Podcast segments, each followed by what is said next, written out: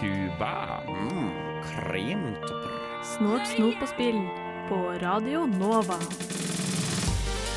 Det er jo eh, det beste øyeblikket i løpet av din uke, kjære deg. Jeg vet du nå sitter eh, spikret til radioapparatet. Dette har du gledet deg til i to uker.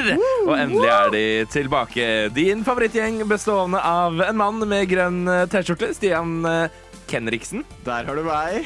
En uh, kvinne i en uh, Er det en rosa strikka genser du har på deg? Ja, Sofia. med perler.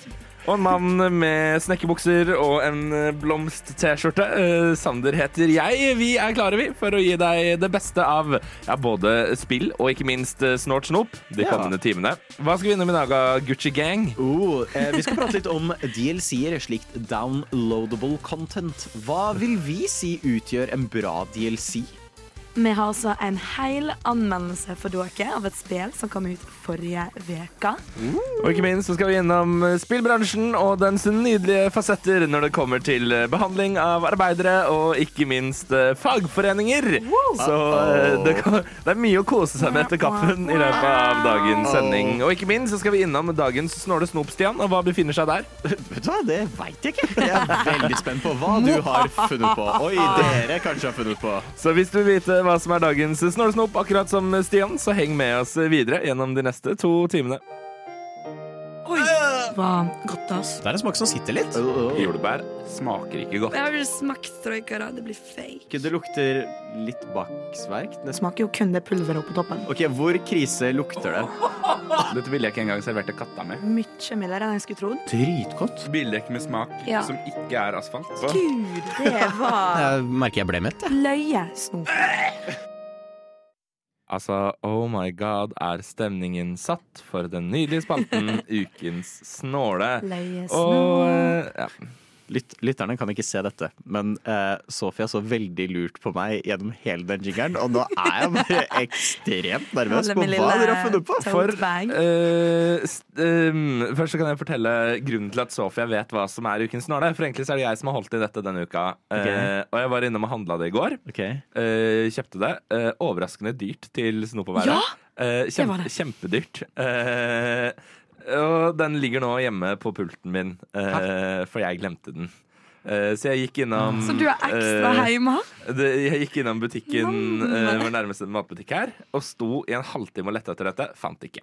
Så jeg uh, hastetekstet Sofia og ba henne om å finne det. Fordi Stian Du har kjøpt dobbeltopp. Ja. eh, Ok. Og det er ganske dyrt. Ja, Eh, dette er godt, da, siden du nå har Ja, ikke sant? Um, og Stian, vi har jo I starten av dette programmet Så hadde vi jo en trend hvor det snåle snopet Det var ofte ting vi så for oss at de serverte på gamlehjem. Ja. Jeg går tilbake til de røttene i dagens Kan jeg snåle gjette? Ja. Er det, er det mokkabønner? Nei. Ja. Nei. Um, Er det nå vi sender bilde av dette inn til Instagram-kontoen ting som ser uh, ut som uh, Ting som ser veldig kristne ut? okay. For det ser veldig kristent ut. Uh, vi skal til et snop som er forbundet med et spill. Mer spesifikt et kortspill. Okay. Vi skal til bam, bam, bam. Bridgeblanding! Bridgeblanding! Det er veldig gamlehjemmet. Det er veldig, Det er veldig, veldig gamle. gamlehjem. Jeg har ingen aning hva dette er, men det kostet 72 kroner! Det kosta 88 på Coop Mega. Det er helt spinnvilt dyrt. Ja, gå på Mega? Er du ja, gal? Ja. Hvor er det man kjøper bridgeblanding? Tydeligvis Mega. Uh, altså I egentlig helt vanlige matbutikker. Ja, Ha. det var øverst, og det var mange igjen. Og det er, en, det er til og med en egen Facebook-gruppe som heter Vi som elsker bridgeblanding. Selvfølgelig. Hvor jeg var inne og prøvde å lære litt om bridgeblanding. Eh, vi har teaset det som alltid på vår Instagram, hvor du kan være med å gjette. Være med i trekningen av absolutt ingenting. Hvis du klarer å gjette riktig. Av en eh, ekstra bridgepose. eh, Eh, ja, for eksempel. Eh, og der la vi et bilde av eh, Spyro. Eh, fordi at mens dette i Norge heter bridgeblanding, så heter det altså i Danmark drageblanding. Eh, drageblanding. Ah, Oi, stakkars alle Men kanskje som det, hørte på nå. kanskje det ut ifra eh, den danske oversettelsen Kanskje det er det som heter drage på polsk, men lite vet jeg. Men skal vi ta altså crack it open and eh, put Oh, some in our mouth? Ikke sant? Ja. Pour one out for the boys. Ok, Jeg er dårlig på å åpne sånne poser, Uh, Du river bare på toppen? så det blir litt sånn all over. Ja, men ja, ja, ja. OK. Det er sånne små kuler, for dere som aldri har sett dette før, i forskjellige farger. De fleste av de er brune. Oi. Um, vær så god. Ser litt ut som hjortebæsj, skal jeg være helt ærlig. Brun var tydeligvis den billigste fargen. Eh, det er jo noe Å, Jesus Kristus. Ja, det var mange som kom opp. Sorry ass for den åpningen av posen. ja, det, Men Dette er en kreativ åpning av posen. Vet du hva, mye forskjell. Det er runde greier. Ja. Du har eh, hjortebæsjen. Så har du harebæsjen. ja. Eh, Så har du- Og så har du sånn eh, gummi. gummi. Så har du hva jeg tenker hadde vært medisin på gamlehjem. Ja. Det ser ut som en grønn pille. Jeg ser din medisin og kontrer med en hvit Nonstop. Ja, så det er altså Så vi har blåsyrepilla der. greier. Det er virkelig en Um, blanding, ass. litt Det her er sånn stikkpille. Den ligger vi der. Eh, de rosa og de hvite ser for så vidt relativt greie ut. Jeg eh, jeg ser for meg at disse, disse er små, som er sånn lysebrune og ser ordentlig ut som bæsj. ja. At- Jeg ser for meg at, det, at de er sånn rosiner, skjønner dere? Ja. Sånn Det lukt- mjuke. Det lukter veldig godt. Eh, skal vi bare ta en eh, taste? Jeg, jeg, jeg prøver prøver meg en på s- en hjortebæsj. Jeg. jeg tar en stikkpille, jeg, da. Ok. Og det var nøtter i den. Ja, Denne her hadde et eller annet is. Den hadde sånn krisp i seg. Oi, denne var kaffe. Dette var kaffe. Den mørke Ja, den lille lysebrune. Ja, det var det. I can confirm. Det er kaffe. Det var en funky smak. Jeg prøver blåsyrepilla. Jeg prøver meg på en rosa tyggegummikule. Ja, nå må du der hjemme kjøpe deg en pose bridgeblanding og helle det ut foran deg for at du skal kunne se. Det var ah. lakris i blåsyrepilla. Ah! Nei, nei, nei, nei, nei, nei. Jo, jo, jo. nei, nei, nei. Dette er lakris og sjokolade. Ja, det var det. det var, jeg så peppermynte. Denne her, den var mjuk. Den store brune. Mm. Den var sånn tyggemotstand-greie. Ja, well, ingen, ok, Dette er veldig bisart, fordi ingen av de tingene her gir meg den verken smaken eller tyggemotstanden jeg forventer, og jeg Nei. liker det ikke. Det er sånn, Og dette skal være mykt. Nei, det er hardt. Ok, Dette burde være hardt. Nei, dette er mykt av en eller annen grunn. Og det er lakris. What? Det er som å betale for lootboxer, så bare få hva faen. Genuint. Ja. Um, har noen smak på de lange Oi! Rosa. Peppermynte. Ja. Nei. Det er peppermynte i det der store brune og, og Oi! Det er jo ikke hver myk, som man har så var det nøtter i. Ok, men Jeg ser hvorfor de har dette på gamlehjemmet, for dette her er jo underholdning i seg sjøl. Bare wow, det er det oppi her? What? Sjukt. Kan du se for deg at du spiser bridgeblanding med bitte litt demens? Herregud. Det er konstant en ny smak. Det virker som at vi har faktisk kjøpt så masse forskjellig, fordi alt mulig her er noe nytt. Man blir avhengig av smake de runde pillene, holdt jeg på å si.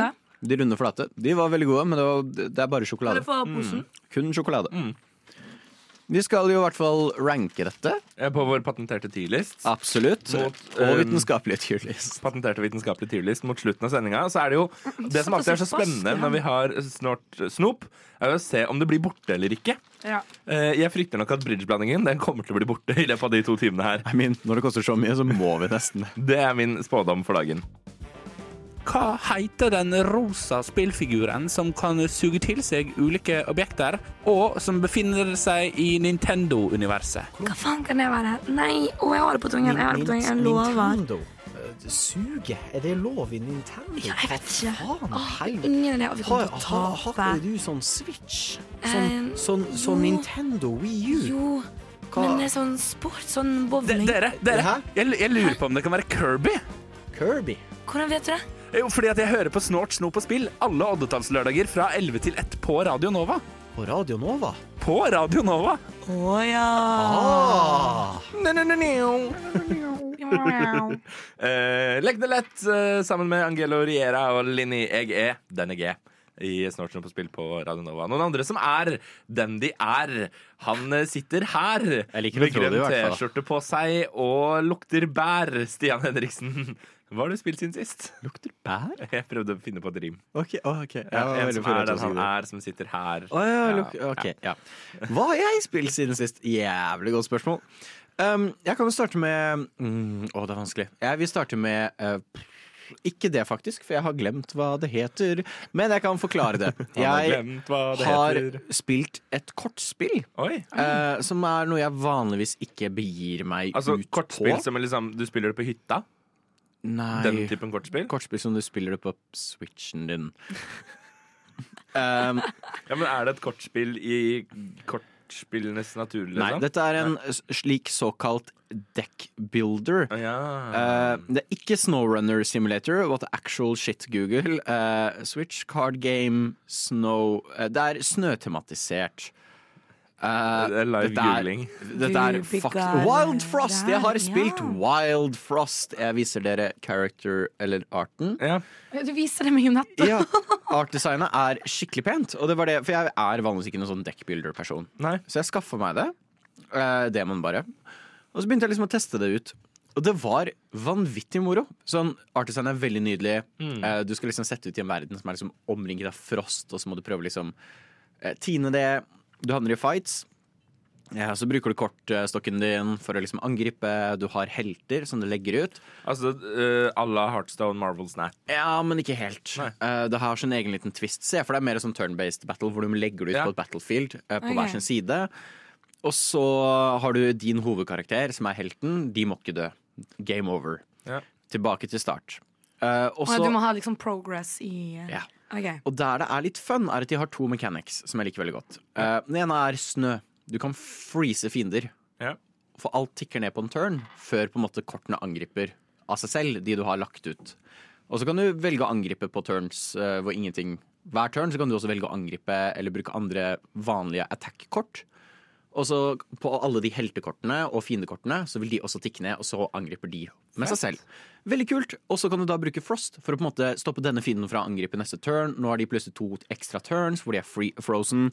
Så det er Veldig veldig kul mechanic. Og så kan du finne charms, altså sånne, sånne greier du henger på nøkkelringen din. Men du kan feste det på kort, og så endrer det statistikk på kortet. Ja. Nei, så gøy. Og det er veldig gøy. Veldig gøy. Og så må du på en måte velge.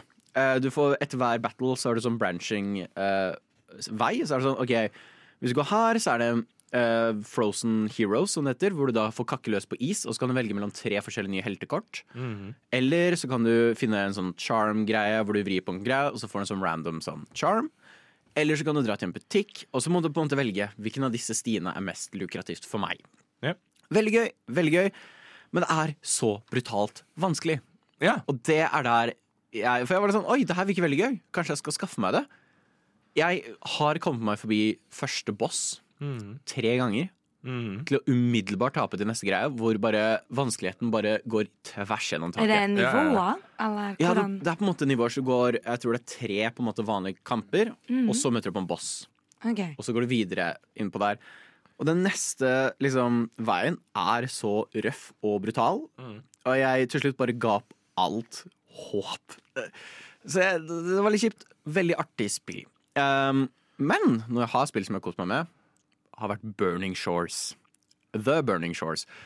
Som jeg ikke har tenkt over før, men har du innsett at det er et ordspill?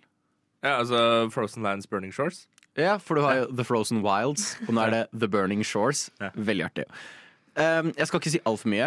Um, Kommer vel en anmeldelse, det kommer en anmeldelse neste gang. Men jeg må bare snakke om, for dette er jo kun til PlayStation 5. Oi.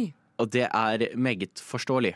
Ja. Uh, det er så tykt på tykt på tykt med lag av detaljer, vegetasjon. Det er sånn, Uansett hvor du går, har du alltid liksom dyr som flyr over hodet ditt. Oi. Og nå er det masse av disse maskinene som flyr, som driver og liksom flyr rett over huet på deg. Det ser fenomenalt ut. Og hele greia kulminerer i en boss. Jeg skal ikke si hva den bossen er, bortsett fra at det er det mest teknisk imponerende jeg har sett i et spill. Punktum. Shit. Um, det største fienden i Horizon Zero Dawn er Thunderjaw. En av de største i Forbidden West også, er jo Thunderjaw, denne T-rex-greia som alle på en måte har sett. Ja, ja. Den er 500 000 slike polygons, sånn trekanter som bygger opp ting. Ja. Siste boss i den DLC-en er på 6,6 millioner. Men da lurer jeg på Når en boss liksom er på en måte så OP da sammenligna mot alt annet Ja. i spillet, er det sånn at du, det blir en grind, du må bare hive deg inn Nei. gang på gang på gang på gang, eller tok du den liksom på første attempt? Jeg tror jeg døde én gang, Ja. men det var Altså, det var bare en sånn spektakulær kamp uten like. Og musikken var liksom Det var ikke noe sånn bare ba, bam, bam, ba. Musikk, det var sånn haunting, hvor du har en sånn dame som Oi. sang sånn, sånn tragisk i bakgrunnen. Det bare var, var Jeg tror den varte i 20 minutter. Og jeg storkoste meg gjennom hele greia. Og det var sånn Jeg har drømt om denne fighten siden 2017. Har jeg hatt lyst på nøyaktig denne fighten. Uh, og det var noe som jeg er imponert over at denne DLC-en leverte på. For jeg har jo snakket om det før, tror jeg. Jeg husker ikke, i hvert fall til deg, Sander. At jeg har aldri vært så hype for et spill som jeg var med Forbidden West. Ja. Jeg hadde skyhøye forventninger. Jeg hadde så mye jeg hadde drømt om og ønsket meg. Og de leverte på alt. Bortsett fra vi fikk ikke sett Los Angeles. Det er sånn, ah, det var kult å se Los Angeles som er sånn halvveis oversvømt, og du må hoppe på, på hustakene og sånt, og så under vann. Ja. Det, det leverte DLC-en. Det er akkurat hva jeg ønsket meg. For det er det jeg syns er gøyest med dette. Fordi at den, den, Denne DLC-en ble jo teasa under Game Awards. Ja. eh, hvor vi sendte live her fra Radio Nova, da i form av Gjennom skumma kultur. Eh, og hvor Stian ender opp med å gå ut av rommet. Jeg og Tobias, da, som var sammen med meg i den sendingen, sitter og ser dette. Dør innvendig fordi det ser så jævlig fett ut. Uh. Og så kommer Stian inn igjen og er sånn Ikke si noe. Ja. Og det har jeg klart å holde meg i fire måneder på. Og jeg sa til dere Ikke før sagt den noen ting. Sa Han sa akkurat hva som kom til å skje, og jeg var sånn Det kommer til å skje. Jeg får ikke lov til å si det til Stian. Hva faen gjør jeg nå? For jeg sa det var sånn Jeg drømmer om en DLC som foregår i LA. Fikk det. det altså, det er så nydelig. Jeg storkoser meg med å utforske. Uh, og igjen, av alle de kanskje 100 ønskene jeg hadde for Forbidden West, det er to som ikke er oppfylt, og de tror jeg kommer til å bli oppfylt i treeren. Så god damn. Uh, så neste gang igjen så kommer det en anmeldelse. Snort, snop og spill. Så, så. På Radio Nova. Vi har vært innom ditt eh, hobbyrom, Stian. Ja. Og da venter jeg jo egentlig på at du skal stille meg det store spørsmålet. Hva har du spilt siden sist, Sander? Du, Jeg skal gjøre noe jeg aldri har gjort i Snortsen på spill-historien. Uh-oh. Eh, jeg skal snakke om et fysisk spill. Eh, Hæ? Fins det? Ja, eh, som jeg koste meg med her eh, forrige helg, sammen med en eh, god venn av eh, podden og programmet. Shout-out til Lise Benus. Du, jeg vet du hører dette. I dag shiner du, og verden er perfekt. Um, men vi, eh, vi var ute og koste oss i sola her forrige uke, før liksom det ble grått og jævlig. Og så eh, visste vi ikke helt hva vi skulle bruke kvelden på. Det var ingen som egentlig var med kine på å gå ut, så vi stakk innom Outland. Og kjøpte altså uh, Detective for a Day. Oh ja, dette har jeg hørt om. Som har, blitt, uh, som har gått sin farsott på sosiale medier. Og det er jo uh, en sånn murder mystery escape room-aktig greie, hvor Ja. du kjøper en konvolutt. I den konvolutten ligger det masse forskjellige typer bevismateriale. Det er liksom vitneavhør, utprinter av meldinger, um, kart over stedet du er. Nei, så kult. Uh, litt sånn info om alle de på en måte siktede og den drepte. Og så skulle du da rett og slett forsøke å løse dette. Og da er det, i, den vi spilte, som var mordet på yachten, så er det på en måte da fem eh, eller fire liksom underoppgaver før du kommer til den siste. Først er det sånn prøv å finne ut av dette, og så sitter vi og tenker liksom eh, Sitter og tenker høyt, prøver å lese gjennom clouene. Å ja, men kan, kan det være dette, liksom? Ja, OK, så åpner du den konvolutten, og så er det sånn gratulerer, du har klart dette, nå prøv å finne ut av dette. Og så jobber du deg gjennom det da med på en måte det fysiske materialet hele tiden. Eh, det tok oss kanskje to timer å løse mm, det mysteriet. Og det var altså skikkelig, skikkelig, skikkelig gøy. Ah. det er, i, vi, nå sitter vi liksom og prøver å planlegge når vi skal få tid til neste gang. Og kunne kjøpe Men må da du på en kjøpe nytt? Ja, Ja. for det er jo på en måte Det er jo en sånn engangsgreie. Uh, akkurat som et escape room. Du kan ikke dra tilbake til et escape room du har vært før. på en måte Nei. Um, Så det er på en måte ny en hver gang, og det er kanskje det eneste jeg har på en måte utsett på det. Det er litt dyrt. Det er liksom 400 spenn for to-tre timer med kos. Men Oi. samtidig så er det, det er så gjennomført. Det er så gjennomført bra. Og du ser at de har lagt liksom sjela si inn i det, og det er kjempe, kjempegøy. Uh, så det har jeg gjort. Og så um, tok jeg en liten tur tilbake. Levde meg inn i en karakter jeg forlot for en drøye to måneder siden. Jeg har vært tilbake som Halvor Polter. Jeg har vært tilbake i Hogwarts Legacy igjen. Um, og jeg spilte jo gjennom Main Story, anmeldte det. Uh, da spilte jeg gjennom hele jævla driten, hele main storyen på en uke. Og bare liksom anmeldte det, fikk det ut, la det fra meg. Så jeg plukket det opp igjen nå, denne uka her. Og eh, hvis jeg skulle Nå er jeg veldig spent. Uh-oh. uh, hvis jeg skulle gått tilbake og anmeldt Hogwarts Legacy en gang til, så er det nok mulig at jeg hadde trukket det to troikavarer. Fordi at uh, open worlden, når du på en måte er ferdig, har masse nytt og spennende. Det er masse sidequests. Det er mye gøy du kan ha. Det er veldig vari stor variasjon i sidequestsene. Men så er det de tingene som vi har jeg mener litt for mye i open world-spill om dagen. Og det er sånn ulike Altså sånn towers, eller yeah. liksom på en måte faste sidequests. For gjør du noe bra med det? For jeg har ikke noe imot hvis det er gjort bra, men når det bare er Her er det et tårn. Klatre opp det. Ja, det, er, det, det, er, det er mye av det som er fett, og jeg, jeg liker det. Det er bare for mye av det. Ja, ok. På en måte, altså, jeg synes Alle ideene de har på en måte hatcha ut og tenkt seg ut til, kjempekule. men for å kunne 100% complete det spillet, så må du gjennomføre alt. Og det er litt for mange av hver type. Det er litt for mange Merlin trials, det er litt for mange Broom trials, det er litt for mange uh, av den og litt for mange av den. Og det blir på en måte, i lengden så blir det veldig repetitivt. Um, men når det er sagt, så spilte jeg også ferdig alle sidequestene. Det var dritbra. Altså, jeg har ikke noe å utsette på, på en måte story-delen av spillet, men det er mer den derre at de må ha den der open world-greia med Sånn at du aldri skal forlate det spillet noen gang igjen. Ja. Som jeg syns var litt Men meget. er det noe Nå har ikke jeg spilt det sjøl, eh, men er det noen multiplayer-greier for Hogwarts Legacy? Uh, ja, vet du hva, Det vet jeg ikke. Jeg er jo ikke en multiplayer-spiller. Jeg er jo en singleplayer-spiller. Men jeg har sett, jeg har sett uh, på Reddit og andre steder at det har vært liksom, folk som har spilt sammen. Men det kan være at jeg cracka spillet, på en måte. Jeg tror nok det er mods. Slik jeg skjønt er det null eh, multiplayer-funksjonalitet. Eh, Bortsett fra nå, da, når de slipper det nye Quidditch-spillet, som er multiplayer, og som jeg hater. ja, som, ikke er, som ikke er en del av det. Hogwarts Legacy. Jeg hater det. Jeg, nevnte jeg forresten at jeg hater det? Ja, men dere lurte så hater Sander. Hva er meningen din om det, Sander? Eh, jeg syns det er et utrolig billig triks. Og jeg trodde du Eh, hata det. Jeg, jeg hater det. det, er, det altså, de, de blokka det, det var sånn, De blokka Quidditch i Hogwarts Legacy. Jeg tenkte ikke så mye på det, for jeg tenkte sånn, ah, ja, de har ikke hatt tid til å utvikle det. Det kommer sikkert senere. Det kommer sikkert i en TLC, og så kommer det bare som et nytt fucking spill. Altså, det er sånn, Slutt med det, da! Money, money, money, money. Money! Men eh, altså, igjen, eh, jeg syns fortsatt på en måte Hogwarts Legacy holder seg. Det eneste problemet er at de har gått i open world-fella. Og det er eh, Den er røff. Slutt med det. Hei! Er du på leit etter et nytt radioprogram å høre på som handler spesifikt om spill? Ja! Så flott!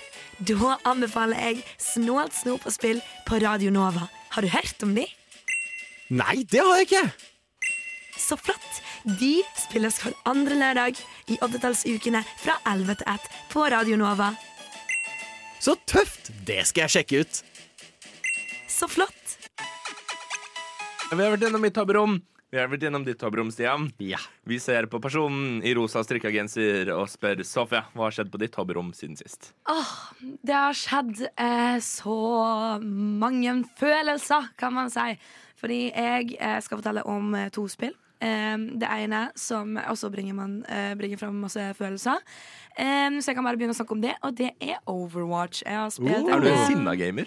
Hæ? Ja, ja, ja. Ja! Um, jeg har kommet tilbake til Overwatch etter å ha prøvd å laste ned oppdateringer. Og ja. ja, sånn er det når jeg ikke spiller FPS på en stund. Og så um, har jeg gjort mitt første kjøp. Jeg har falt i fella og gitt penger til et spill. Og det har jeg aldri i mitt liv gjort før. Hva har du kjøpt? Jeg har kjøpt skinnet til Widowmaker som Harley Quinn. Fordi jeg elsker DC og måtte. Eller Harlekin, da. Men, eh, men ja, de greide å bribe meg over til den mørke siden. Um, og det gøyeste med den opplevelsen, utenom å ha spilt noen runder med mine venner, og det man vanligvis gjør i Overwatch, som sagt, eh, det gøyeste var uh, når jeg skal gjøre mitt første kjøp, så trykker jeg på liksom betale, og du, du, du, så kommer det opp This account cannot buy anything on battlenet.com. Og jeg bare, eller .net. Og jeg bare, hæ? Så sa han jeg screenshotet til vennene mine, og de er sånn eh, Jeg får ikke kjøpt noe. Hva skjer? Og de bare Nei, hæ? Vi får alltid til å kjøpe ting. Men her er sånn, Snakker vi nå om en cash grab som ikke lar deg cashe? Um, Bra på Blizzard. og så, men vent til catchet, fordi dette blir bra. Um, jeg velger å søke dette opp. Hva skjer? Hvorfor kom, kommer det en error?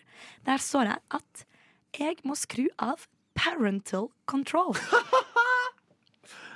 Min Blizzard-account som 20-åring har eh, siden eh, 2016 hatt på eh, foreldremodus. Eh, og om det kanskje har holdt meg ifra å kjøpe noe, det er kanskje en fin, fin greie. da I fi, i over fire år, hva blir det? Sju? Eh, ikke, ikke kjøpt noe. Men, eh, men ja, eh, plutselig måtte jeg finne ut hva for en mail jeg har signet opp som foreldre oh, mange år siden. Dette er klokken ett på natta, og jeg vil bare ha det skinnet. Og jeg får ikke det til! Så det var en lang prosess, og det var min ene frustrasjon med Overwatch. Men eh, over til det andre spillet. Fordi i dag kommer min første anmeldelse. Jeg har endelig spilt et helt nytt spill! Og det er, mine kjære lyttere, Minecraft Legends. Fordi hvem andre skulle anmeldt Minecraft enn meg? Eh, Kan vi anmelde Java Edition? Kan du være så snill anmelde Java Edition? bare vanlig Minecraft, Ja. Jeg vet ikke om du har hørt om spillet Minecraft. ikke sant? Minecraft ble lansert i 2009. Men eh, ja, eh, jeg, det kommer til å komme mer info om dette eh, snart. Eh, men jeg har storkost meg. Jeg har senest spilt det i natt. Der eh, jeg døde for første gang. Og Nei. det var hjerteknusende. Jeg ble ganske stresset, for jeg har klart meg ganske bra så langt. Eh, og det som også er kult, er at Nå skal jeg ikke fortelle for mye, fordi det sier jeg etterpå. Eh, men eh, det er et RTS-spill, som sagt, det blir sagt senere. Eh, og du Og er RTS, det betyr- RTS står for samtidsstrategispill, men det blir også forklart. Bare vent. Um, og du har en storyline du kan følge i liksom mainplottet der du spiller solo. Ja. Som er veldig gøy. Eh, det er tredjepersonsperspektiv. Dette er en helt ny sjanger for Minecraft-universet, som er veldig spennende. Og eh, det, det, det, det, det, det poenget, Sofia, jeg skulle fram til, eh, var at eh, man må liksom gjøre masse forskjellige strategier, og man klarer seg ganske lenge. Og når du saver et spill, så står det i menyen at det har gått fem dager i spillet. Den teller dager, sånn som Minecraft vanligvis gjør. Som er veldig gøy. Eh, Så når jeg skulle åpne det på nytt igjen i natt, så var jeg sånn Oi, fem dager, shit, så kult. Hvor mange dager kan man ende opp med? Liksom, hvor lenge kan jeg bli her inne? Når er jeg ferdig med dette? Hvor mange dager kan det gå? Det er 100, dette åpner 100 opp eh, for speedrunning, og eh, Ja. hvordan liksom folk kan eh, gjøre det. Det som er også gøy, er at det inkluderer multiplayer og PVP. Eh, så ja, jeg har kost meg kjempemasse med dette. Så om dere har lyst til å høre hvor jeg rangerer det, så er hører anmeldelsen etterpå. Vi skal snart få Sofias anmeldelse av uh, Minecraft Legends, uh, men før vi kommer dit, så skal vi få litt deilig musikk. Unnskyld, hvilken uke er det? Uh, vet ikke. Vet du hvilken uke det er? Uh, Jeg har ikke peiling. Sorry, men jeg må faktisk vite hvilken uke det er. Det er oddetallsuke. Shit, da må jeg jo høre på Snålt snop og spill annenhver lørdag alle oddetallsuker fra 11 til 1 på Radio Nova. En dum sang av forelskelse, signert Evig ferie i Snortsen og på spill på Radio Nova. Ja da, du har ventet på den gjennom hele denne låta, og her er den endelig. Sofias anmeldelse av Minecraft Legends. Med hele mitt hjerte kan jeg si at du trenger å lete lenge for å finne noe som aldri har hørt om den svenskutvikla hiten Minecraft. Tross for å ha kommet ut 14 år siden, er dette sandkassespillet fortsatt det mest solgte spillet i verden, og kommer ikke bare ut med nye oppdateringer, men nå også utvider universet sitt med nye spill. Den 18. april hadde det nye spillet Minecraft Legends sin premiere. Tilgjengelig for både PC og konsoll har Mojang lansert sitt første sanntidsstrategispill innenfor Minecraft-verden. Tidligere har Mojang kommet ut med sidespill som Minecraft Story Mode, en animert serie på Netflix som også er et sterkt historiebasert spill, Minecraft Earth, som jeg aldri har hørt en sjel spille, og Dungeons Crawler-spelet Minecraft Dungeons. Men som nevnt skiller Legend seg ut med å være det første spillet i RTS-sjangeren. Det vil si et samtidsstrategispill som lar deg gjøre hva du vil uten å måtte vente på noe tur eller andre spillere, og det er en fordel å være økonomisk med hvordan en bruker tida si. Now step forward, brave hero, and join us. Hang on to your stomach. I Minecraft Legends spiller du som den omtalte helten. Etter å ha blitt guidet av de tre nye allevitende mytiske karakterene Knowledge, Action og Foresight, blir vi sendt i kamp mot griselignende netherskapningene, piglinene, som vil overta og ødelegge overværet. Vi får tildelt en magisk ukulele, som ved å bli spilt på kan spåne inn Alace og forskjellige gollums for å hjelpe oss i kampen. Og sist, men ikke minst, rir helten vår på en hest, tiger, uvanlig stor papegøye eller til og med en gigabille. Enkelt, kult og greit. Eller kanskje ikke så enkelt. Første som møter oss idet vi åpner spillet, er en tilgjengelighetsmeny og en stemme som spør om du ønsker å ha visse typer av tilgjengelighet på.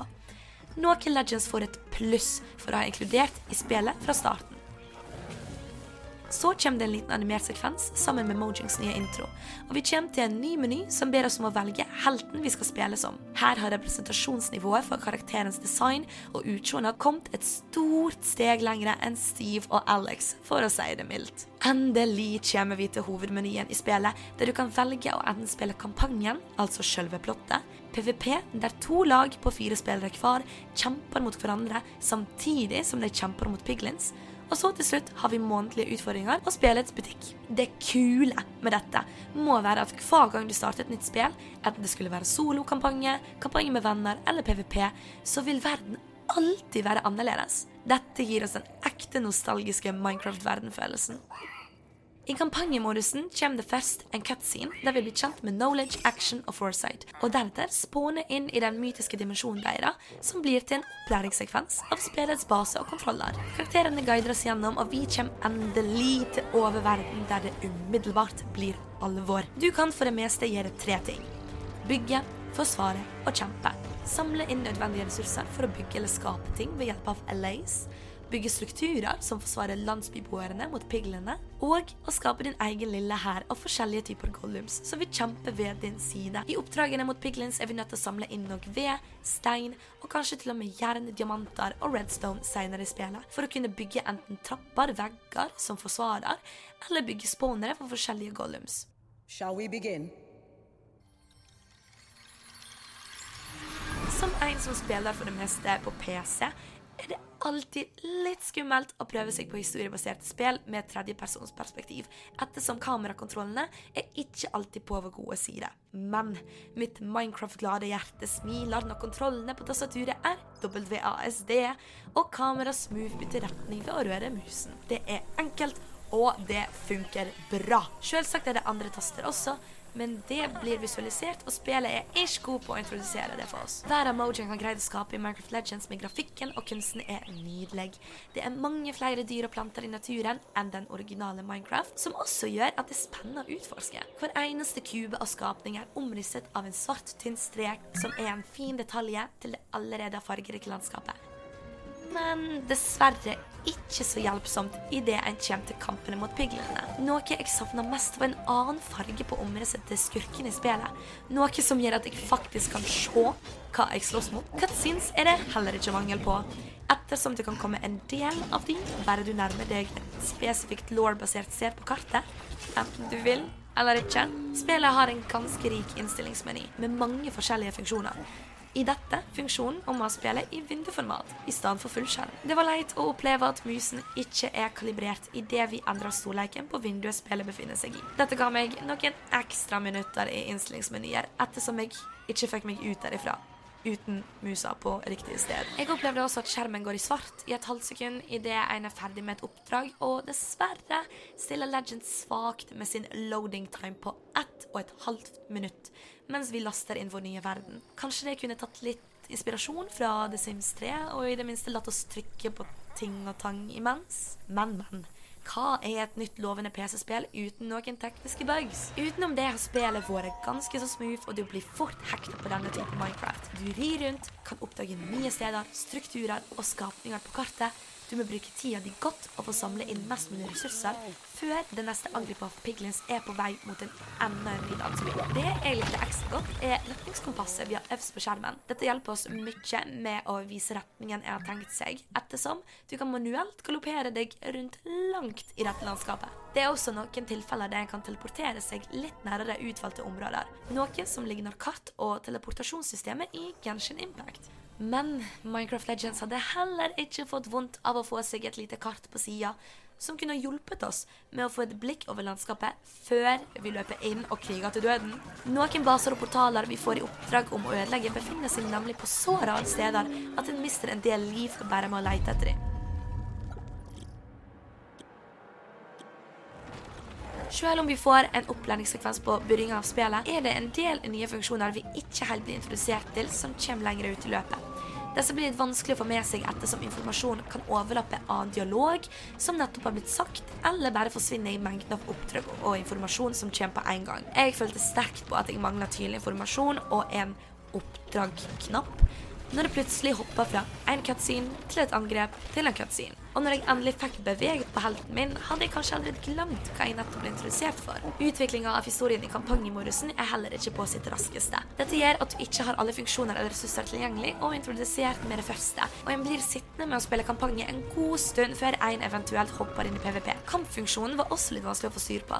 Vi finner aldri helt ut hvor masse hit damage vi skaper, og det tok meg en del tid å utvikle den beste strategien for slåssinga når en angriper sjøl. Hvor sterk Gollum-hæren din kan være, føltes til tider også litt ubalansert ut, idet jeg hadde kvitt meg med alle piglene rundt landsbyen to minutter før oppdraget var over, og måtte vente til tida rant ut for å kunne fortsette, og i det hele tatt få oppdraget godkjent sammen med en liten skjønn Steam achievement.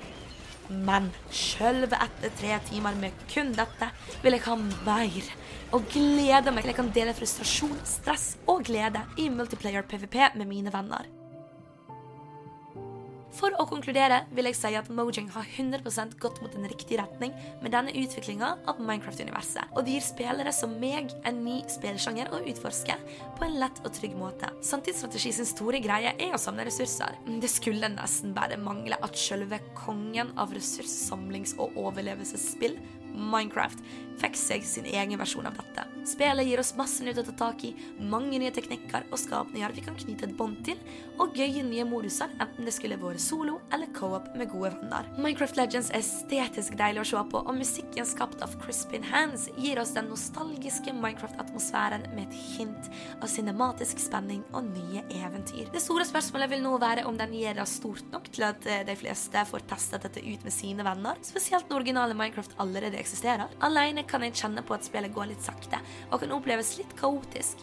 Derfor vil jeg si at dette er et spill som vil være på sitt beste i selskap av andre medspillere. Minecraft Legends overrasker positivt, og jeg velger å gi den 73 av 100 troikabarer. I alle fall til å prøve å nå mine fulle 15 timer i kampanjemodusen mens jeg venter på den nye Cherry Blossom Minecraft-oppdateringa. Uansett, poenget mitt her er at du må spille Prey. Du vet, Prey 2017. Om, eh, kanskje verdens Spill beste Prey! spill. Nesten verdens beste spill spill, i hvert fall. Spill! Prey! Spill Prey, folkens! Spill Prey. Uh, Prey er et fenomenalt bra spill. Prey er the shit. Det er, det, det er få spill så- som så min sterke anbefaling er å spille Pray. I mean, det vokale ingen av de slår Pray. Prey. jeg kan- jeg har ikke nevnt det så ofte, men Prey er et jævlig godt spill. Spill Prey. Hva er galt med deg? Hvorfor har du ikke spilt Prey? Snart show på spill. Vi snakker også om andre spill enn Prey. Spill Prey! Jeg er så sliten. Det er meg etter hver sending jeg har med Stian. Nå er jeg til, nå er jeg til og med så sliten at jeg glemte å dra ned mikken min under den uh, jingeren. Whoopsies. Oh. Eh, en bombe slo i går ned, eller tidligere denne uka ned, i uh, spillverdenen. Ja da, bombe er humor, Stian. Hva er det som har skjedd i Activision Blizzard-verden? Uh, nei, men vi har jo pratet en del om dette, denne ganske sjuke eh, kjøpet som Microsoft gjorde av Activision Blizzard, eller har prøvd å gjøre. Ja. Hvor de kjøper kanskje en av de største spillutgiverne in the world. Og så har det vært mye om og men. Folk var sånn wow, det er et ganske stort kjøp. Det er veldig mange studioer. Uh, oi, oi, oi, markedsmonopol. Uh, Microsoft er ikke akkurat kjent for å gi ut kvalitet for tiden. Det, det, det, High Five Rush. Det er én av Det, det, det, det, Faktisk. Statistikken er jævlig god, for de har bare gitt ut sånn tre spill. Så det er én av tre. Det er ganske solid. Anyway, um, så foregår alt dette, og folk er veldig sånn oppbluste og er sånn oh, Hva syns vi egentlig om det? Og så kommer FTC, The Federal Trade uh, Committee, eh, fra USA og EU inn og er sånn Vet du hva, vi syns ikke dere skal kjøpe dette her.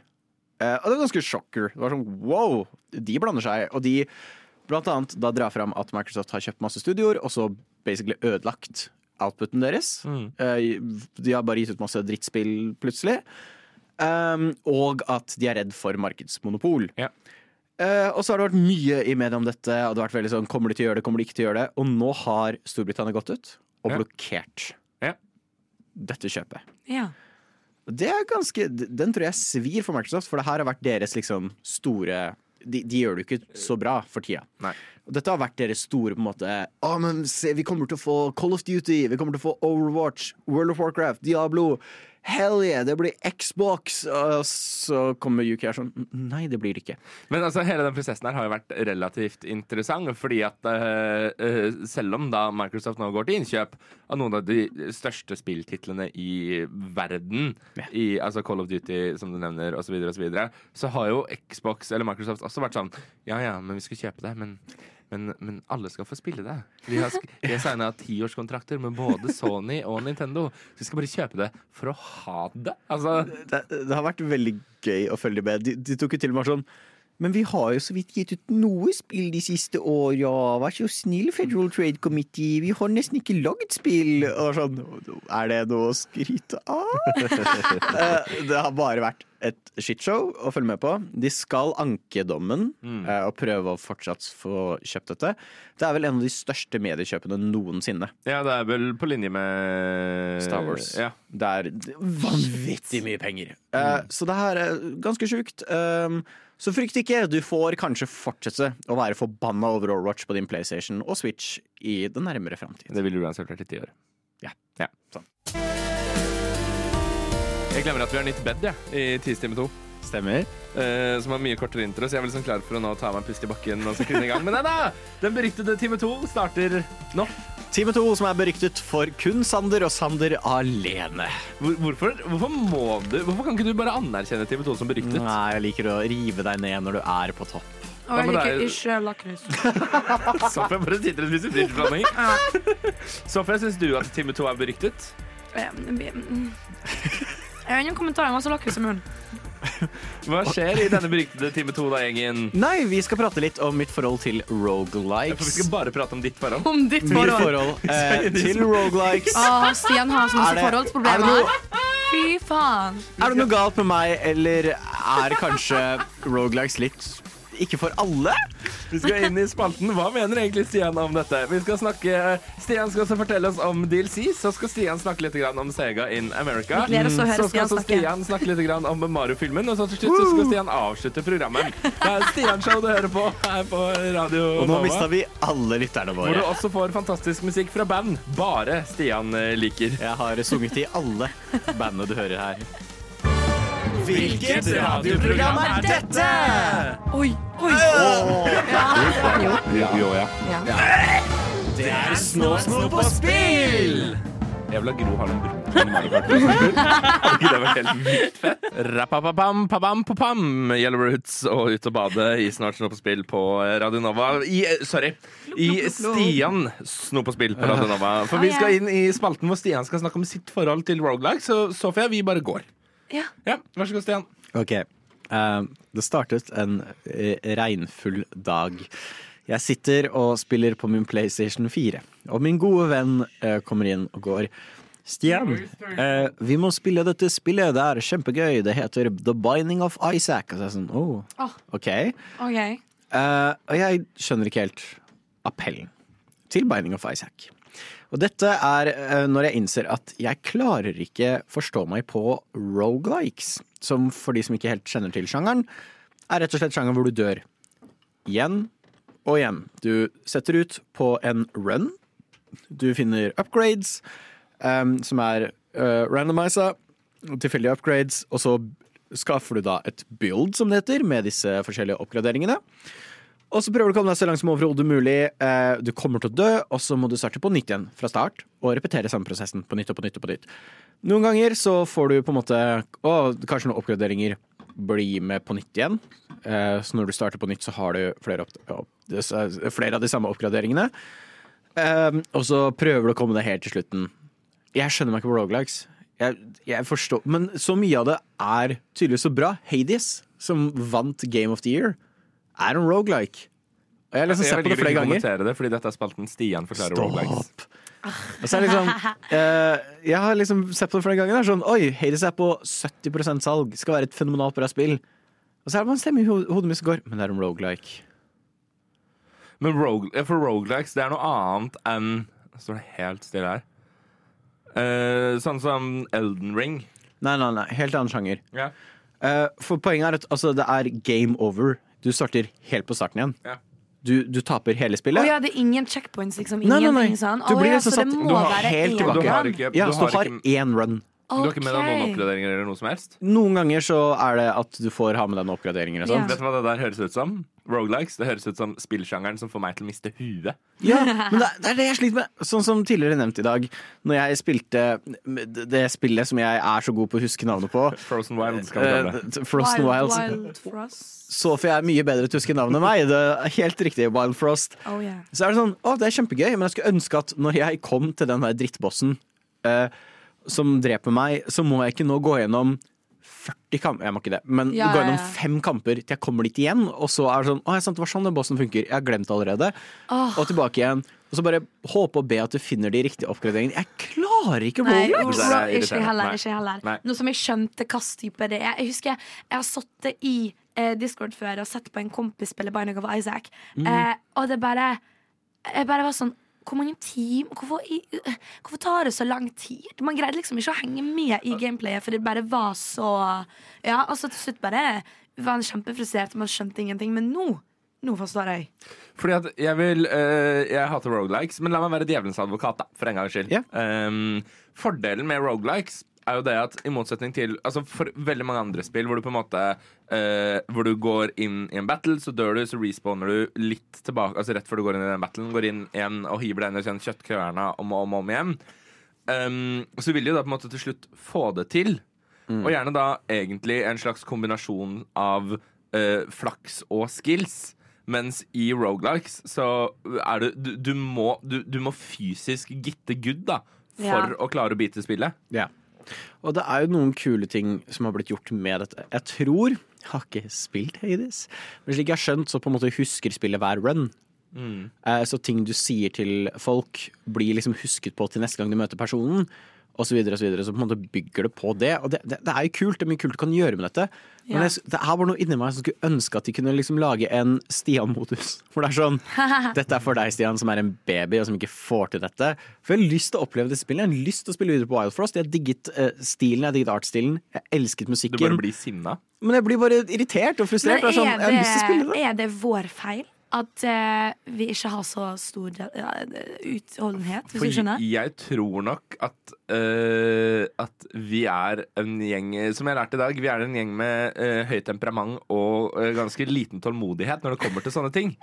Eh, det er grenser for hvor mange ganger vi gidder å hive oss inn i kjøttkverna. Ja, er, liksom, er, er, Altså, er jeg jeg ikke har- gamer nok? Er Jeg det har sittet med én boss i Undertale i to timer. Eh, så det, det, det, det går an. Det er bare det at man men- suger til tider. Men hvis du hadde spilt Undertale, og du hadde kommet til den bossen daua måtte starta helt på nytt Ja, igjen. nei. Nei. Hadde ikke gått. Ikke sant? Jeg spiller gjennom Bioshock Infinite eh, 1999-mode. Ja. Dør jeg for mange ganger, tilbake igjen. Hele spillet sletta save-file, liksom. Eh, og det, det eneste grunnen til at jeg kind of tør det, er fordi jeg tør å være Jeg tør. Fordi jeg føler jeg er god på Bioshock Infinite.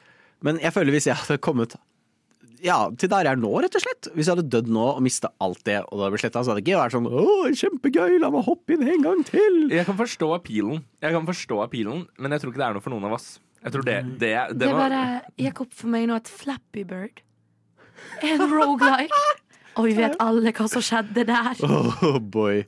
Kanskje, kanskje det er det som ender med alle som lager rogelikes, bare sletter de. Men jeg syns, jeg syns den punchen er så god, Sofie, at du skal få lov til å dra den punchen en gang til. Flappy Bird.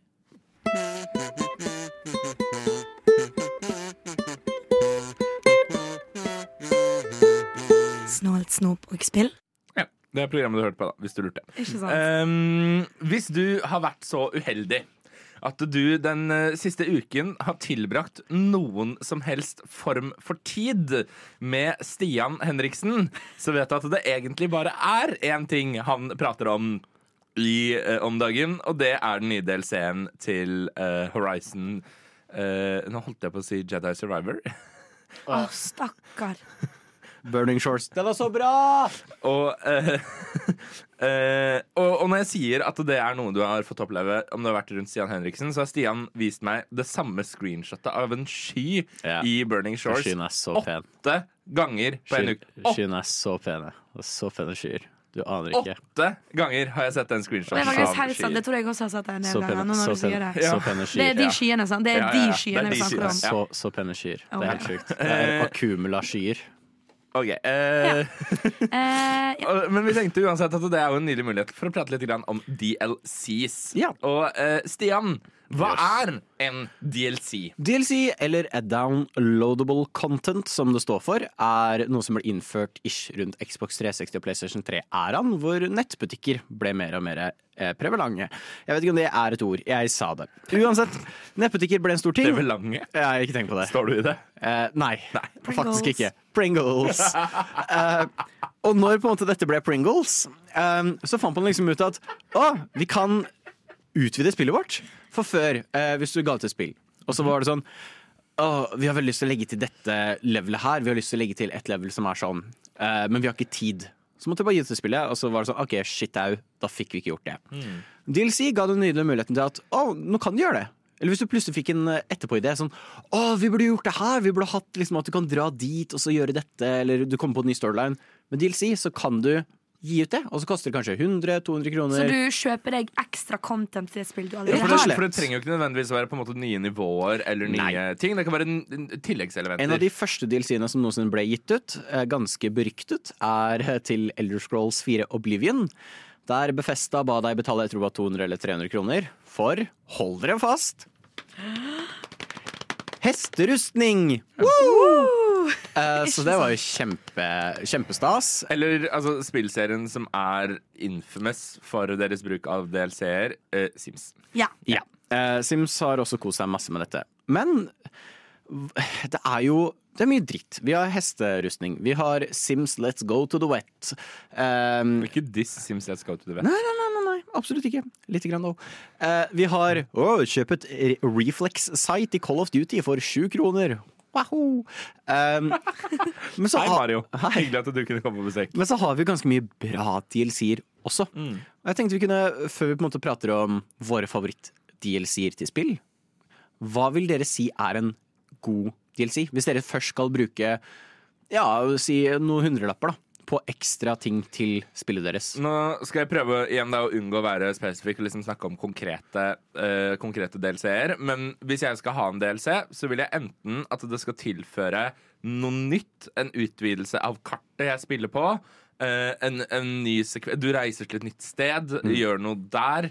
Men også noe som legger til nye elementer. Sånn at det blir Sånn at det ikke bare blir det samme spillet, bare mer av det. Men sånn at du får noe nytt inn i det. Uh, gi, meg en ny, gi meg en ny utfordring, gi meg en ny type boss, gi meg en ny type våpen, måte å kombinere våpen på. Gi meg et eller annet nytt. Um, og det trenger ikke engang være en ny verden. Det holder bare hvis det er nok nytt til at spillet blir Altså endra, da. At spilleopplevelsen blir en annen. Ja, for meg så eh, er det 100 at eh, det kan bygge på et spill jeg allerede er glad i, men som gjør at det blir enda gøyere. Så for eksempel, jeg er veldig enig med at det kan adde noe nytt landskap eller kart eller en ny bydel eller noe du kan liksom reise til. Eh, og ikke bare en sånn, fordi det finnes jo DLC-er som er kun nye klær. Eh, nytt skin, nytt eple, liksom. Ja, for det er jo liksom- ikke gøy, på en måte. Det er gøy når det faktisk endrer litt. Og, det, ja. det, må gi, det, må gi, det må gi noe nytt i, spill, i opplevelsen av spillet. Ja. da Det Ja. må være noe som eh, Det holder ikke at drakten er ny. Drakten kan gjerne være ny, men jeg vil også ha dette. Jeg vil også ha noe som lar meg oppleve dette spillet mer. Og det som er, er også et eh, ish-problem, men også nice, er jo at det er så mulig å lage så mange mods til spill. Modifikasjoner som man kan bare lage hjemme og lage sjøl, laste ned gratis. Yeah. Hvordan skal liksom DLC-er toppe det? Hvordan skal de eh, greie å lage noe såpass kult for oss at vi faktisk betaler for det, og ikke laster ned noe på nettet? Sant? Så det, det går jo veldig i den eh, ruten, da. Og ehm, jeg er i hvert fall veldig fan av at Oi, kjøper jeg denne her, så får jeg disse funksjonene, og da kan jeg spille på en helt ny måte. Det er dritfett. Og mine karakterer og min spillopplevelse blir liksom veldig påvirka av denne kule DLC-en, og liksom, ja. At det blir såpass endret, da. Det holder liksom ikke med bare en skin. For jeg også er veldig fan av når de endrer Noe jeg hater, though, er når de på en måte har en sånn Å, dette er en del av spillet som skal gå inn mellom kapittel fire og fem. Ja, ja, ja. Og så bare gir de det ut senere. Så er det sånn Nei, nei, nei, nei, Å, sorry, hvis du ikke betaler eh, 200 kroner, så er er på en måte det fulle spillet ukomplett. Ja, ja, ja. Ja. Hater det. Eh, Det er gjort ikke så mange ganger, men det er gjort ofte. Jeg liker når det er enten på siden at liksom Si det er et Omworld-spill. Og Du kan liksom begynne på DLC-en halvveis inn i historien, Ja. men det påvirker ikke, påvirker ikke den Nei. hovedhistorien no Nei. noe. Det liker jeg. Og kanskje min favoritting er når de endrer gameplay fullstendig. Ja. Det syns jeg er veldig fun når jeg laster ned en DLC, og så er det sånn helt ny gameplay. Eh, en av DLC-ene til Bioshock Infinite Mm. bytter sjanger. Så det går fra å være first person shooter til et stealth-spill. Ja. Som er dritgøy. Og det er sånn, oh, og nå må du plutselig tenke helt annerledes på hvordan spillet Ja. fungerer. Det er kjempemoro. Så jeg vil søke for det. Men hvis Eh, vi på en måte skal oppsummere da, hva, vi, hva vi vil ha, så holder det ikke at eh, noe ser annerledes ut, eller noe ser nytt ut. Det, Nei. må, det må endre måten vi spiller spillet på. trenger ikke se nytt engang. Bare ha store fundamentale endringer. Ja. Ja, det må adde en ny knapp, i det Ja. minste. Ja, Noen ny story, et eller annet gøy. En ny, ny mekanikk. Eh, Vi, skal, eh, vi har med noen eksempler på gode DLC-er, og du får de servert etter Solveig Kloppen.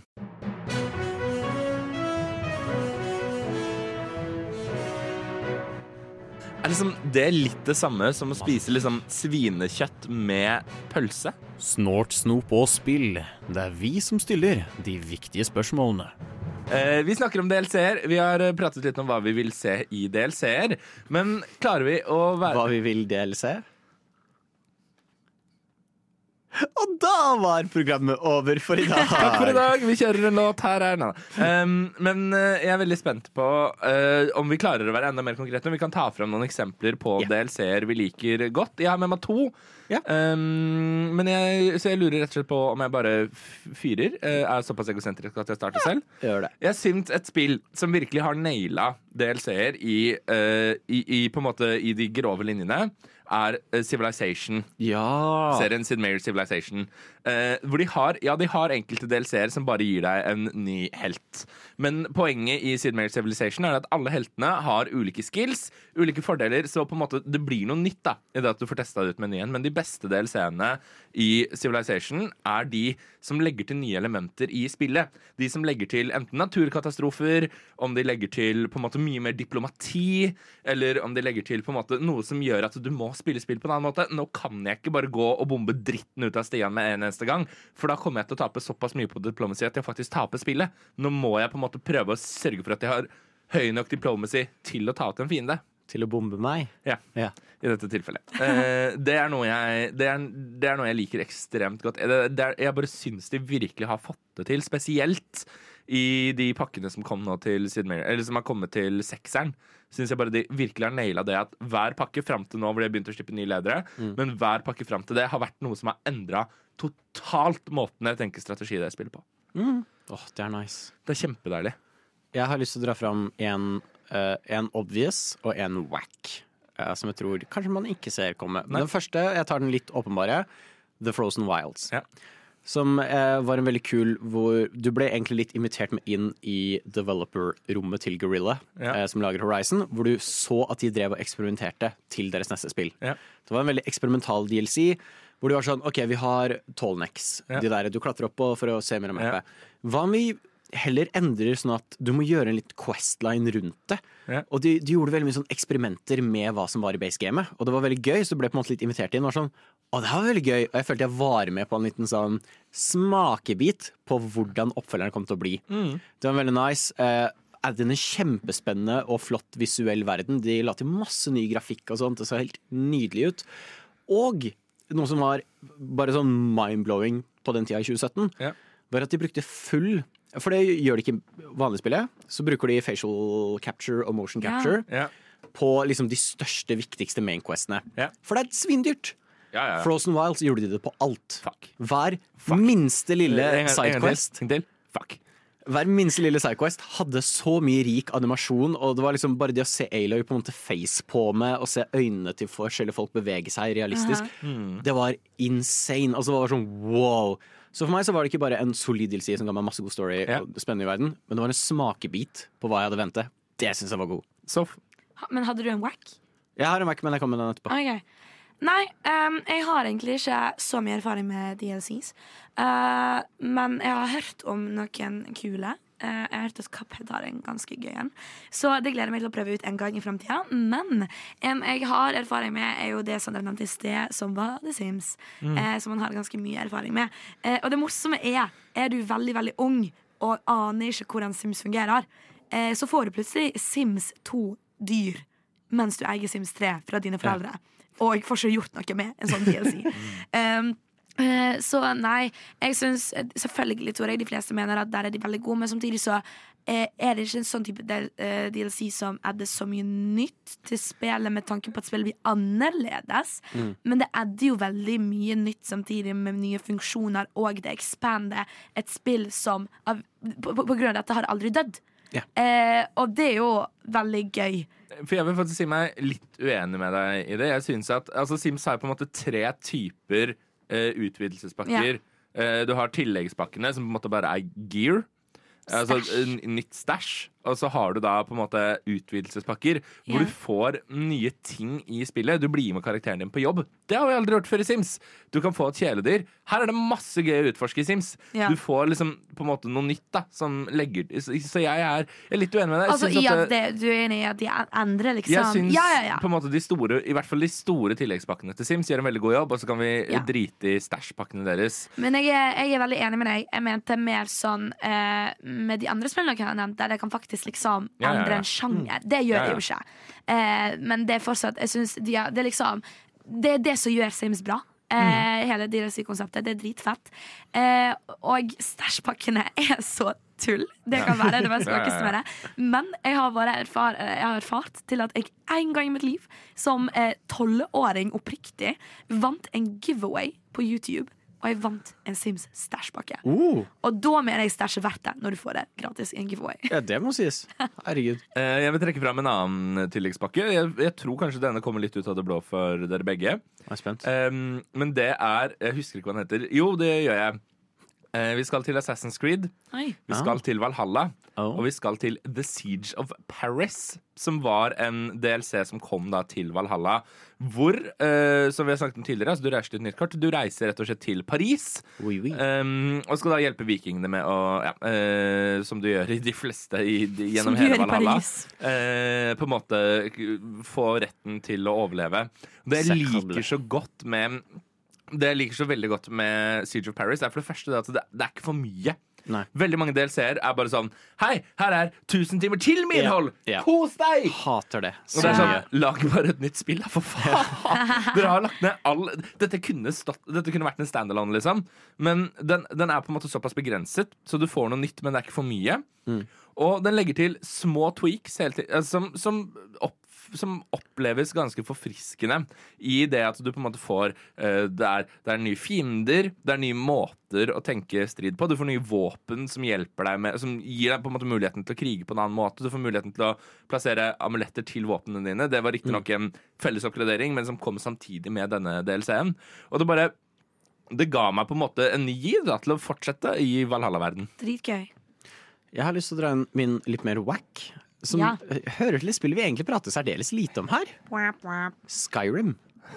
Skyrim har tre DLC-er. Det har Dragonborn. It's okay, It's okay, It's okay. Eh, det har Heartstone, eh, hvor, du, hvor du, lager, du lager hus. Jeg er litt sucker for den, for du lager hus, men det er ingenting til den DLC-en. Men så er det min favoritt. Dawnguard. Har noen av dere spilt Skyrim? Snakker Se på deg, Sander. Nei. Nei? Okay, eller- gjør Jo. Ja, jeg har jo det. Men Ja. ikke, jeg, ikke, ikke nok. Ok, For Dongard gjør hva Skyrim ikke klarer. Og jeg elsker det. Eh, hvor det handler om vampyrer som begynner å prøve å ta over verden. Eh, og det er et sånt svært plott hvor de skal blokkere ut sola for alltid. Og med en gang jeg kommer i høyt nok level til å gjøre denne eh, DLC-en i Skyrim, så kjører jeg rett inn på den. Den er kjempebra. Den er veldig lineær i forhold til alt annet Skyrim har. Og de har faktisk lagd en historie med character development. Du møter, du får en companion som er min faste companion i Skyrim, Serana, som faktisk har en personlighet. Som faktisk har en voice actor som ikke er en av de åtte voice actorene som gjør Skyrim. Det er eh, Laura Bailey, er det vel hun heter? Som blant annet gjør Abby i Last of Us Part 2. Hun er kjempeflink, og du merker det. Sånn, det er en sånn presence til alle der. Og de gjør en sånn solid jobb med å føle at jeg burde gjøre dette. For det begynner å dukke opp som vampyrkultister rundt omkring i verden som begynner å angripe landsbyer. De stopper hvis du klarer å stoppe vampyrene. Og de begynner å drepe NPC-er og sånt. Og det føles ut som å, det er en faktisk trussel her, i motsetning til dragene som bare forlyder ut som ja. Halla, skjer'a? Fint vær i dag, eller? Jeg føler aldri noen trussel fra de. Vampyrene derimot er skumle. Og du begynner å dra til sånn, sånn bortgjemte daler, og du møter sånn raser folk trodde var ekstinkt. Du drar til sånn ordentlig sånn Dracula-slott og til underverden. Det er virkelig en reise. Jeg digger Dawnguard. Eh, og jeg skulle ønske Skyrim gjorde mer av det. Det er faktisk en story med, med character development. Sjukt. Dawnguard. Spillindustrien. Spillindustrien. Spillindustrien. Spillindustrien. Spillindustrien! Hva faen er det dere driver med? Vi tar Q-et fra jingeren, og vi spør spillindustrien hva faen er det egentlig dere driver med? Ja, Fagforeninger og spill går sammen som banan og taco. Ja, Eller pizza. Nam. Eh, vi skal til uh, USA. Ja. Sjokk. What Det er problemet med fagforeninger. Vi skal til USA. Går det an? Vi skal til Sega in America. Altså Sega, eh, et av verdens største spillselskaper, i hvert fall historisk. Sega. Eh, står blant annet bak Zanik. The Hedgehog. Zanik the Hedgehog. Um, det er nå da 144 eh, arbeidere eh, som jobber i alle de ulike delene av eh, Sega. Altså det er liksom eh, alt fra spilltestere, de som jobber med development, de som eh, jobber med altså, marketing og alt mulig rart, har slått seg sammen og blitt Aegis. Altså, eh, jeg husker ikke hva det står for, men det er liksom Insega, er IS. Um, som er da uh, uh, Sega in Americas første fagforening. Ah. Eh, I USA og i Norge og, eh, tror jeg også, eh, så er det sånn at når du lager en fagforening For vi kan nå sette oss ned og si sånn Nå lager vi en fagforening. Fagforeningen snår Snop på Spill for oss som vil ha få penger igjen når vi kjøper snop på Radio Nova, for eksempel. Vi kunne dannet en fagforening som handlet om det, men for at vi skal bli anerkjent som en fagforening, så må da sjefen vår godkjenne det. I dette Ja. tilfellet Sigrid, ansvarlig redaktør på Radio Nova. uh, ja, uh, hei Sigrid, vi vil ha penger. Um, Det går fint. Og ehm, i USA så venter de nå da på at eh, Sega-sjefen skal godkjenne denne fagforeningen.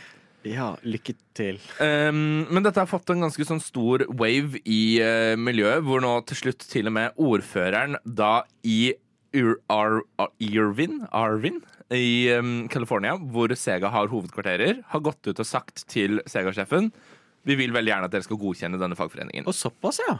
Ja. Det er faktisk veldig godt Og det, at de det er jo på en måte viktig, fordi at eh, La oss eh, snakke om spillindustrien, og hvorfor du ikke vil jobbe i spillindustrien. Nei, det er jo mye problemer. Eh, spesielt med fagforeninger. Det er crunch, hvor du må jobbe masse overtid. Et godt eksempel på, på måte, det, alt dette er SAG-AFTRA-streiken, Ja. som var i 2017. Der mange stemmeskuespillere eh, gikk ut i streik fordi eh, de hadde helt egentlig grusomme arbeidsmiljøer. De, måtte, de skriker jo så det høres ut som de dør. Ja. Um, og jeg tror hun Ashley Birch, som spiller Aloy, blant annet, hun Ja. fortalte når hun jobba for Call of Duty, så hadde jo hun skriket og gaula så mye at hun begynte å hoste opp blod. Ja. Eh, men det er ikke noe på en måte betaling for at sånn Oi, nå hoster du opp blod. Eh, kanskje du skal slappe av noen dager. Ja. Det var ikke noe sånt. Hun var en av frontfigurene i denne fighten, da. Mm. Saga Aftra-fighten. Eh, og det, det ble en stor suksess. Tonnevis av steder da godkjente Sagaftra Mm. og lot de ha denne arbeidsforeningen. Uh, og når Borderlands 3 kom ut, så var det litt sånn stor greie for uh, Troy Baker, som spiller Joel i Last of Us, blant annet. Yeah. Stor, stor voice actor. Eh, skulle ikke ha rollen sin på nytt igjen. Eh, hvor en av, hans, en av de mest elskede karakterene fra Borderlands-universet dukka opp igjen. Men helt bisarr, wack ny voice actor som ikke hørtes ut som Troy Baker engang. Mm. Og da eh, kom det fram at det var jo fordi han var i fagforening.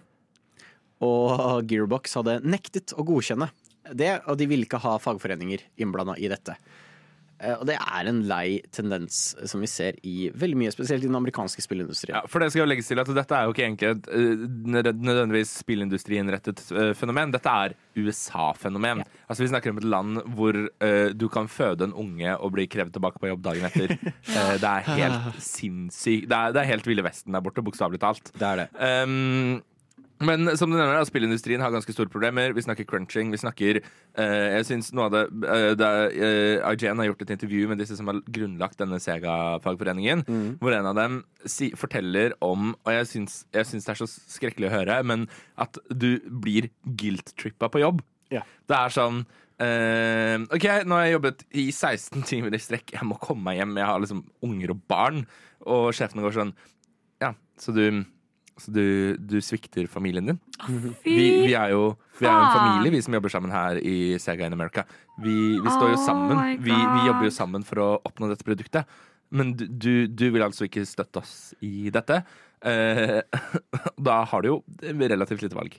Det er jo et kjent eh, fenomen at eh, For det er mange som sier at vi har ikke crunch. Eh, men det det er, er at de har ikke crunch. Du blir ikke tvunget til å crunche, som det blir heter. gilta til å crunche. Ikke det engang, men eh, så, det var en eller annen, husker jeg ikke hva det var i forbindelse med, men uttalte det at du kan dra hjem når du vil.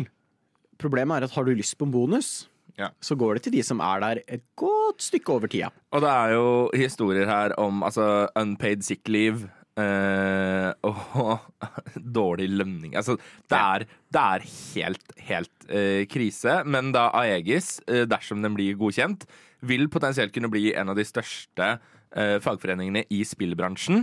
Men dessverre så virker det jo ikke lovende.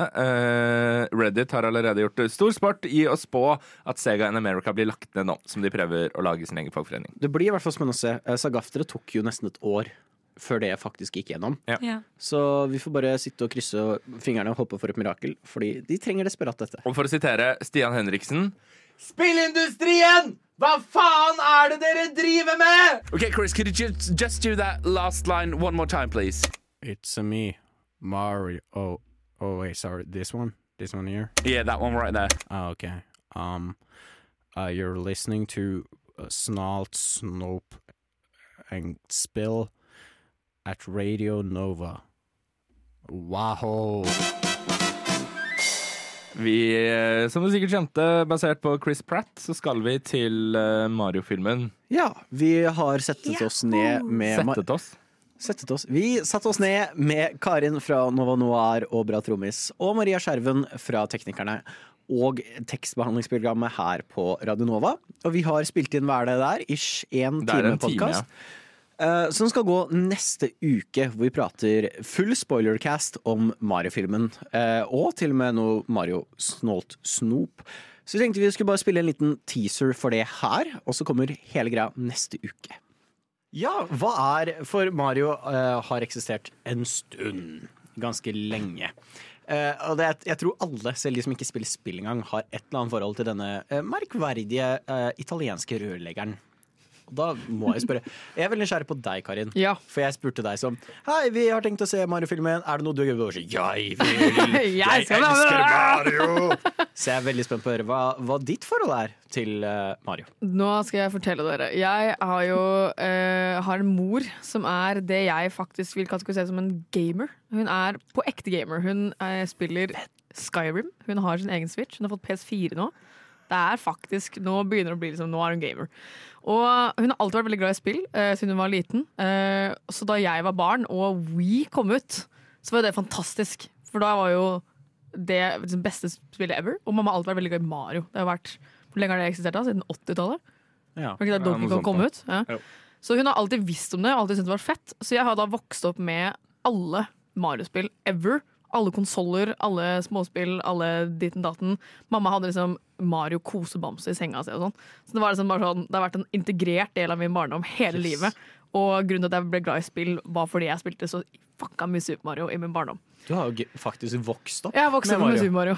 Så jeg, jeg har til og med spurt mamma om jeg kan stjele Ween hennes, så jeg kan begynne å spille Super Mario Galaxy på nytt. Fordi jeg er så jævlig lyst til å spille. Og det var sånn dagen før jeg hadde tenkt å gjøre det, så spurte du meg om jeg ville være med på den sendinga. Da var jeg sånn faen, det her Skjebnen er her og vil at jeg skal være med på den sendinga. Så det er mitt forhold til Super Mario.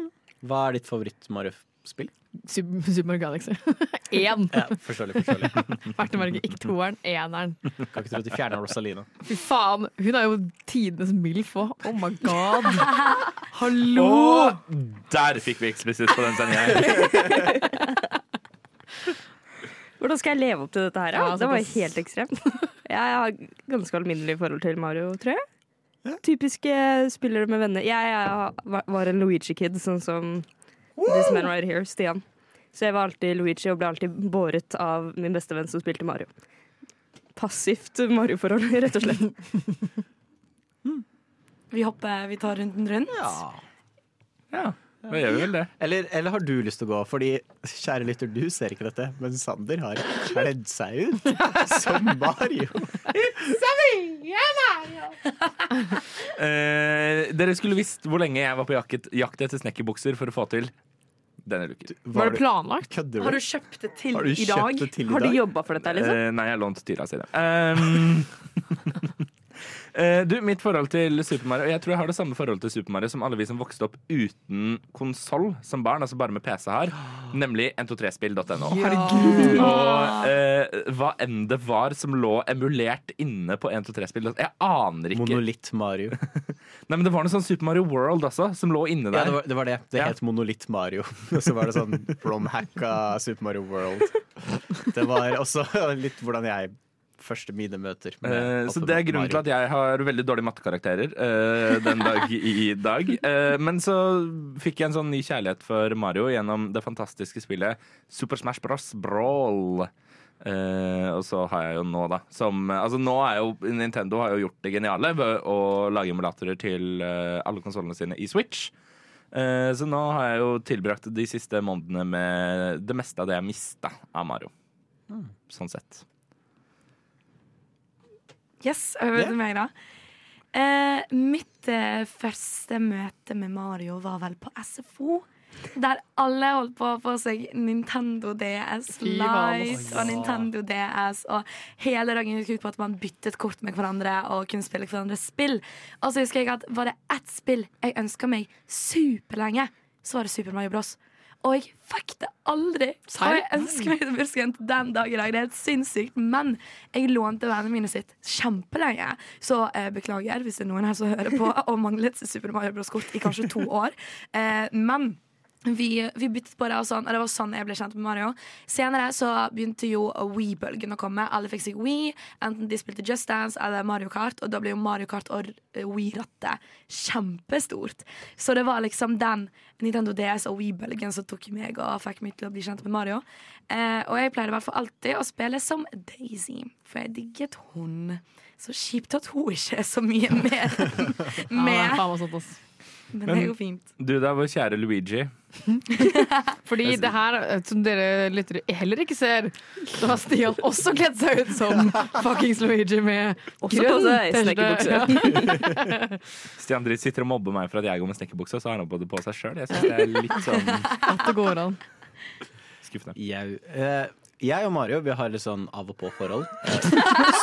Jeg og min gode venn Mario. Som Facebook ville sagt, it's complicated. Oh. Uh, min første konsoll uh, var Mario-konsoll.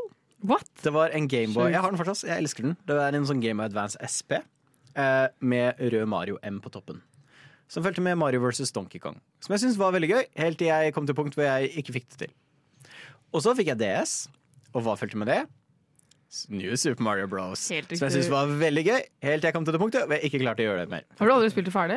Uh, jo, jeg ga det til min gode venn, uh, da gode venn Martin. Men det betyr ikke at du har spilt det ferdig. Nei, jeg har det sett er jo det. Martin har- som har- jeg sett det ferdig. Jeg har sett det ferdig. Jeg har sett det spilt ferdig. Så jeg liksom, altså, jeg har liksom spilt det her og der. Lillesøstera mi hadde Super Mario 3D-land på 3DS. Jeg fikk låne det innimellom, det var veldig gøy. Men så, hvor jeg på en måte virkelig fikk et godt forhold til Mario, var i 2017. Når de viste Oi, fram, eh, viste fram Super Mario Odyssey. Oh. For første gang. Og jeg vet ikke hva det var, men jeg forelska meg i det spillet umiddelbart. Jeg hadde ikke en Switch. Og jeg, men jeg så det, og det var som første gang jeg virkelig fikk en sånn Jeg har så lyst på det spillet her. Jeg virkelig ønsker meg det. Uh, så kom SpillExpo det året, og jeg fikk spilt Super Mario Odyssey der. Og jeg bare sånn, oh my god, det her er perfekt. Jeg elsker det. Det er så wacky, det er så fun. Uh, så jeg ønsker meg det til jul. Og så eh, var jeg sånn Det skjer jo ikke. Jeg har ikke Switch. Og så fikk jeg Super Mario Odyssey av besteforeldrene mine. Og sånn- og, og det var sånn skikkelig sånn litt sånn Å, takk, men jeg har ikke konsollen til det, liksom. Jeg var litt sånn, å, det var litt Akkurat hva jeg ønska meg, men jeg har det ikke. Og så helt på slutten av den kvelden så fikk jeg en Switch. What the Oh fuck? Oh Eh, Switchen jeg har i dag, jeg er kjempeglad i den. Det er kanskje min favorittjulegave jeg har fått. Punktum. Eh, jeg husker på første jeg gjorde, var å plugge i Odyssey, og det var akkurat sånn jeg hadde på. Elsker Super Mario Odyssey til den dags dato. Og nå har jeg gått tilbake og spilt Galaxy. Galaxy er dritbra. Så jeg, Eh, ja. så jeg, jeg har fått et mye, mye bedre forhold med Mario. Eh, selv om teknisk sjef på eh, huset her fikk meg til å innse at jeg har ikke blitt bedre i Mario Kart enn jeg trodde jeg hadde blitt det. Eh, så jeg jobber fortsatt med Mario Kart. Men- Hvilken karakter er det du pleier å spille på i Mario Kart? Luigi. Toad. Du er Toad, Maria. Hva er du? Du er Daisy. Hva var du? Hallo, Bowser er jo raskest. Jeg var Rosalina. Hun er jævlig digg. det er helt sant. Jeg fikk alltid enig. Og så er Mercedes-bilen, Mercedes-hjulene og en sånn der jævla paraply som er sånn skikkelig sånn fancy, søt. Hver gang. Every time. Og med det utgangspunktet så skal vi i hvert fall prate med vår ekspertise om filmen. Kanskje Rosalina dukker opp i Mercedes-Benzen sin. Hvem vet? Løye! Og med det så er vi rundt skuta. Ja da, stemmer det. Vi har kommet så langt. Før vi går videre for å rangere Ja. ukens snåle Snop, så er det noe veldig viktig vi må gjøre. For det er en ganske spesiell dag om et par dager. Gratulerer med dagen som kommer, Stian. Tusen takk! Det blir gøy. Satte du pris på det? Ja, det var veldig koselig. Om dere lytter ikke spennende Stian Henriksen med gratulerer med dagen GMD-meldinger, så blir vi lei oss. Hvis du nå ikke har, hvis du har hørt sendingen live og skal høre den som podkast senere, ta en shot hver gang vi sier Stian Henriksen. Det kommer til å være wasted. Pass på. Ikke dø. Ikke Men vi må plassere bridgeblanding på vår uh, tierlist. Ja, vi har jo blitt enige med en C, Stian ville ned på D. Jeg ville egentlig Vi på B. han opp. Ja. men Fordi det er ikke sånn, så, som sagt, Hadde det vært i en skål på et venterom eh, hos legen, så hadde jeg spist det. Vi har jo spist opp nesten en hel pose med bridgeblanding og en hel pose Ja. med copycat bridgeblanding i det dag. er, Yep. det er helt OK. Det er ikke noe sånn smakssensasjon ut av denne verden. Det ser ikke bra ut. Men det er noe vi har spist før. ja, men, ja, ja. Ja, det, det, det funker. er- Det ja. duger. Følg med deg inn på Instagrammen vår, Snort, Snop og Spill, for å blant annet se verdens lolleste sommervideo som kommer til å komme senere i dag. Har jeg hørt rykter om. Og generelt, du finner oss hvor enn du hører podkast, hvor du kan høre alt en gang til. I tillegg til Sofias anmeldelse, Super Mario Spesial kommer altså om en liten ukes tid.